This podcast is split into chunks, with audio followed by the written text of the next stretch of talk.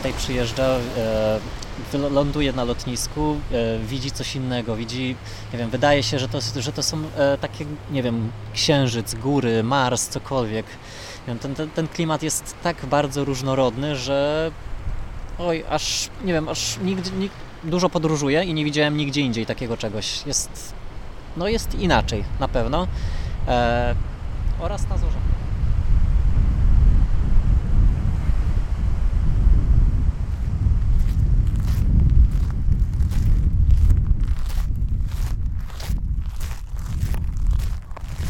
Duży spokój, który, który właściwie po jakimś czasie też przepełnia trochę człowieka. E, troszeczkę brak bodźców, trochę trudny klimat, bardzo zmienny. Na pewno jest cicho e, w porównaniu do Europy, bo jest tutaj o wiele, wiele mniej samochodów, o wiele mniej transportu, o wiele mniej dróg, więc pod tym względem jest e, cicho, ale wiatr tworzy niemożliwe dźwięki. Jest tutaj wietrznie przez 80% czasu wieje, akurat teraz mamy taką możliwość, że stoimy na zewnątrz i nie wieje ani trochę, co jest naprawdę dziwne, no ale przeważnie tutaj wieje, więc ten, więc jakby szum wiatru jest najczęściej spotykanym dźwiękiem, jaki się ma wokół siebie na co dzień. E, I to od takiego zwykłego wiatru, który wieje jak u nas w Polsce, do wiatrów, które krążą po 200 km na godzinę i po prostu trzeba krzyczeć do siebie, żeby cokolwiek usłyszeć. Więc wydaje mi się, że dźwięk najbardziej mi się kojarzył z wiatrem.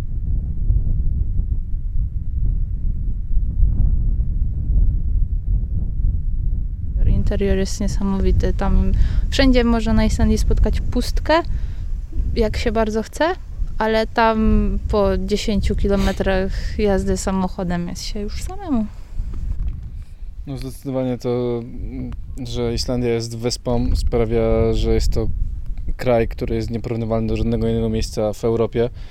E, dzikość, e, małe zaludnienie, ukształtowanie terenu, e, które jest spowodowane ilością wulkanów, skał wulkanicznych, e, konstrukcją całego podłoża sprawia, że ta wyspa jest inna i miejsce zupełnie inne niż każde inne miejsce na świecie. Występuje tu też mm, roślinność, która jest tylko do spotkania tutaj, na przykład mech islandzki, który jest jedynym, jest tutaj, jest rośliną, która jest w jedynym miejscu na świecie. E, więc sprawia, że ta wyspa jest inna, dzika, fajna, ładna, niepowtarzalna tak naprawdę tego klimatu jest tak, jest tak strasznie surowo. Do tego klimatu trzeba przywyknąć. E, często jak widzę tutaj Islandczyków, którzy przy minus jeden, minus dwa nagle sobie wychodzą z domu, chodzą sobie w krótkich spodenkach, sobie myślę, oj, oj, oj, no nie, to aż tak to chyba nie mogę. Jest, jest on bardzo zmienny, to na pewno. Co, może być tak, że w ciągu jednego dnia mogą być 3-4 pory roku, może pięknie świecić słońce, padać deszcz, a potem być taka e, zawierucha śnieżna. Ludzie to lubią, bo to jest, jest to coś innego, ale na pewno nie jest to dla mnie. Żeby tutaj zostać naprawdę, nie będąc Islandczykiem, trzeba, trzeba mieć, być naprawdę silnym, twardym. Bardzo często, jak, jak dzwonili do mnie moi przyjaciele właśnie w czasie tego dwumiesięcznego pobytu, i to był pobyt latem, więc powinny być sprzyjające e, warunki, to był akurat też e, taki bardzo długi dzień polarny. Właśnie bardzo często moi przyjaciele dzwonili do mnie i w pewnym momencie pytali mnie, Ada, czy ty nie masz depresji? Ale to, to nie było właśnie to. To był, to był właśnie jakiś spokój, który człowieka ogarnia tutaj.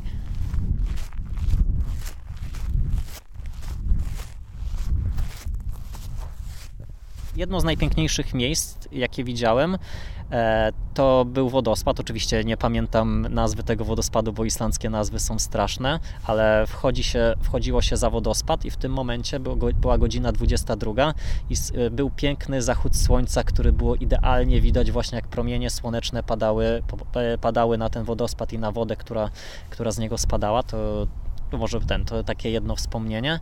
Myślę, że jezioro polodowcowe w górach, w dolinie, otoczone, otoczone górami, E, które ma piękne, piękny lazurowy kolor.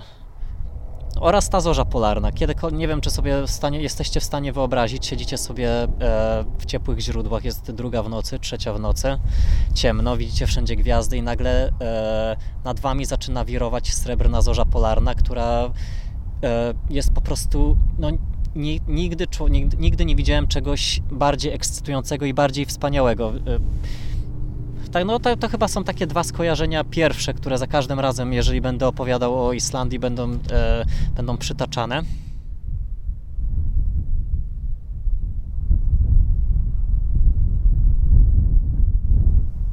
Ja bardzo lubię północ. Właściwie teraz byłam pierwszy raz na północy. Północ wydaje się dużo bardziej surowa, e, mniej zaludniona. Też jeszcze większe są przestrzenie niż na południu, bo zawsze mi się wydawało, że, że południe, południe ma swoje przestrzenie, ale, ale to nie jest to samo. W sumie dużo bardziej niż Reykjavik podoba mi się Akureyri. Wydaje mi się jakoś takim bardziej, bardziej zadbanym miejscem. Może, może przez to, że jest trochę mniejsze i, i właśnie trochę spełnia moje wyobrażenie o Islandii jako o takiej oazie bardzo zadbanej, bardzo, bardzo spokojnej. No bo Akureyri to jest e, otoczona właściwie fiordami miejscowość, chyba druga co do wielkości na, na Islandii, a przynajmniej naj, największa na północy. czystość, czyste powietrze, czysta woda. Na pewno Islandczycy są nauczeni, żeby nie śmiecić. To widać. Powietrze jest czyste, bo wszystko jest jakby zasilane e, energią, która jest wytwarzana z ciepłych źródeł pod ziemią, e, więc tak naprawdę nie ma żadnego zanieczyszczenia związanego z spalaniem. Czysta woda, no bo woda jest naturalnie e, brana z naturalnych źródeł. No tak, jest tutaj czysto i ludzie starają się dbać o to środowisko, żeby było jak najczys- najczystsze. Ale nie mają wiedzy jeszcze na temat. Jakby zwykły Islandczyk nie ma wiedzy. Jak go spytasz, co się dzieje z jego śmieciami, to nie wie. O segregacji mają bardzo małe pojęcie. O, nie wiem, tak jak ja jestem nauczona teraz naturalnych składów, gdzieś tam czytam składy produktów, kosmetyków i tak dalej, to tu tego nie spotkamy.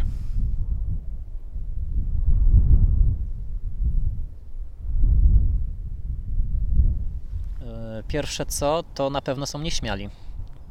Jest tak, że dopóki nie pobędziesz z Islandczykiem przez jakiś dłuższy okres czasu, to on potrafi po prostu się do ciebie nie odzywać, nie rozmawiać z tobą na jakiś temat, e, nie powiedzieć ci nawet dzień dobry, a w momencie, kiedy już cię pozna, to się otwiera na to, zaprasza cię na imprezę, może przyjść do jego domu, możesz zjeść z jego rodziną kolację, śniadanie, cokolwiek, obiad i wtedy jest dla ciebie bardzo naprawdę przyjazną osobą.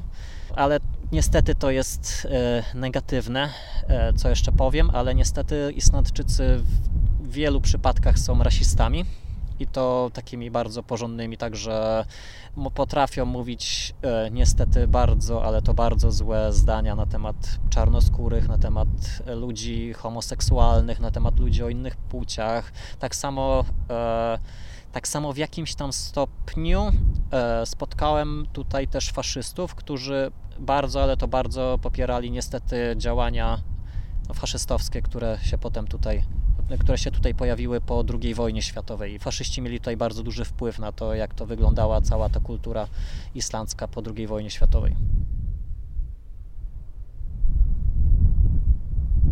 Z tego, co na razie rozmawialiśmy, i na przykład tu rozmawialiśmy w mieście Hop, które jest strasznie malutkie, z ludźmi, to tu się spotkali z tym, że, że Islandczycy są zamknięci i raczej tacy nieciągnący do ludzi i tak dalej. Mi się wydawało w Reykjaviku, że są otwarci. I to może wynikać po prostu z wielkości miasteczka, że jednak Reykjavik jako stolica i jednak to największe miasto powoduje, że ci Islandczycy tam są jakby no, częściej obcują z innymi ludźmi niż w tych małych miasteczkach. A Mateusz ma inne doświadczenia. Czy ja wiem, no ja też poznałem mnóstwo młodych Islandczyków i oni są otwarci i są jakby, wydaje mi się, że zupełnie inną generacją ludzi e, niż e, te starsze spo, is- islandzkie społeczeństwo. Przez wpływy kulturowe, które tutaj mają z Ameryki czy z Wielkiej Brytanii, starają się nadążyć za, trochę za światem i są inaczej, in, in, innymi ludźmi, zupełnie innymi ludźmi niż, niż e, ta starszyzna. Jeszcze jak w nas, e, w Polakach widać jakieś takie pochodne e, naszych rodziców, naszych dziadków, tak tutaj oni starają się mm, być inni niż to, co prezentują tam, prezentuje starszyzna po prostu.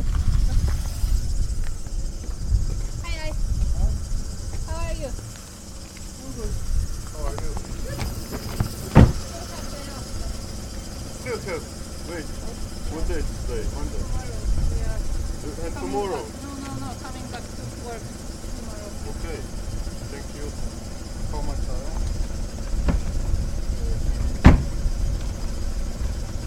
Sorry, wait. Yes, yes.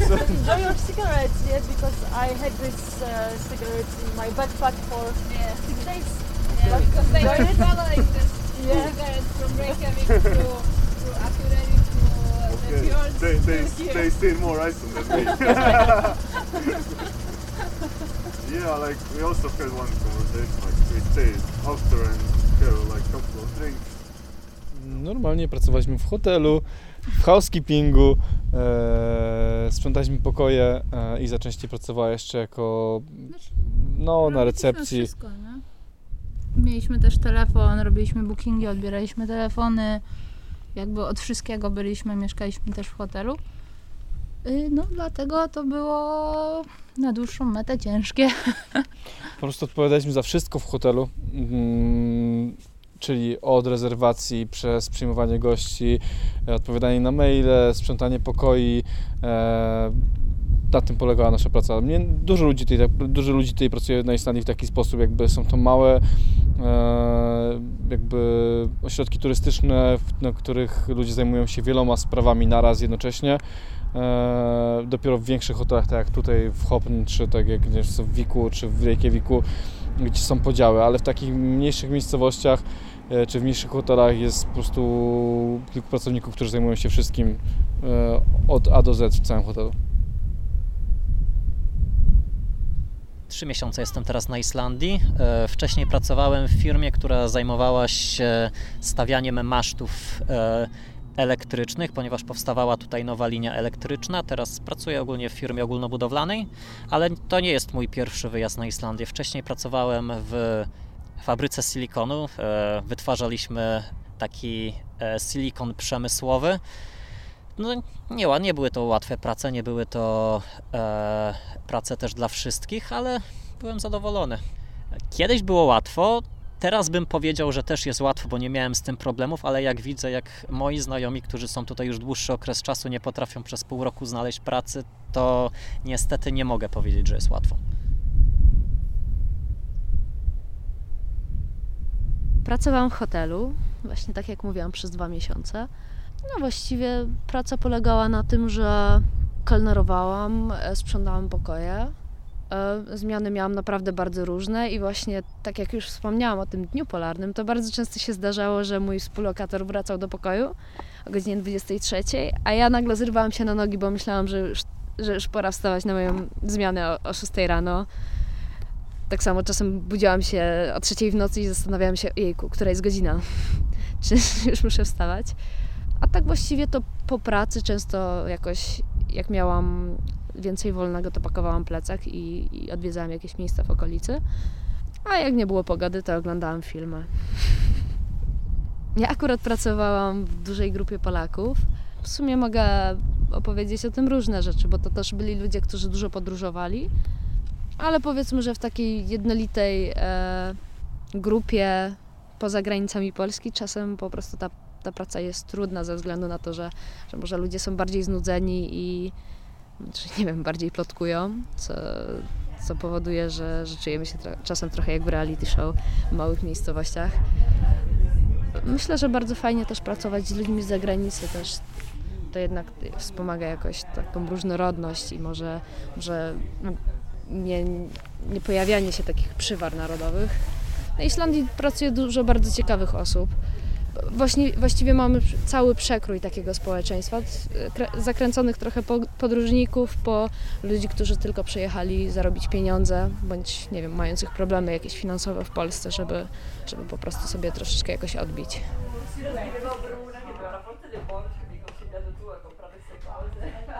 E, rekin z pewnością. Znaczy nigdy nie jadłem osobiście, ale siedziałem obok i czułem zapach rekina.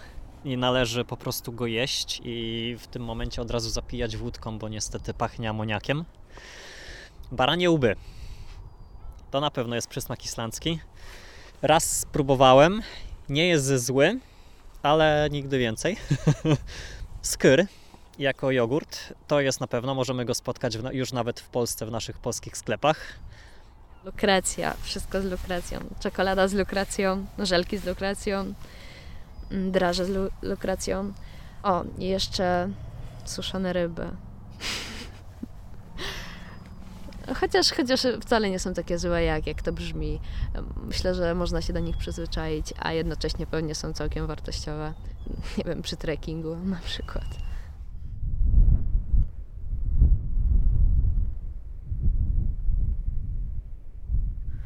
Tu tęsknię tylko za rodziną i przyjaciółmi.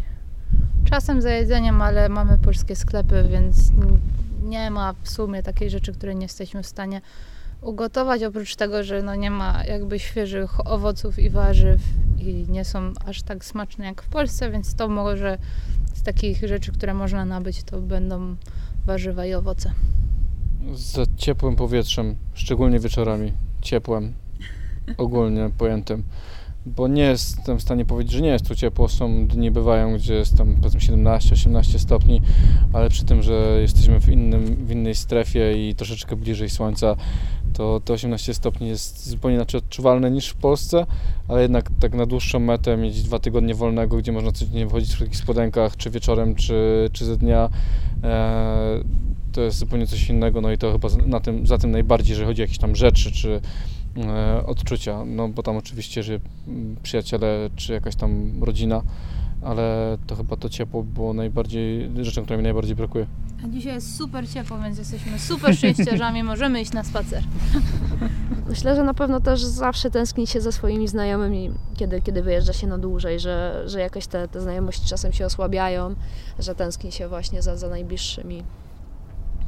Nie no, w tym momencie na pewno brakuje mi słońca. To, to jest ten, ten, ten klimat się jednak daje tutaj we znaki. E, I czego mi brakuje?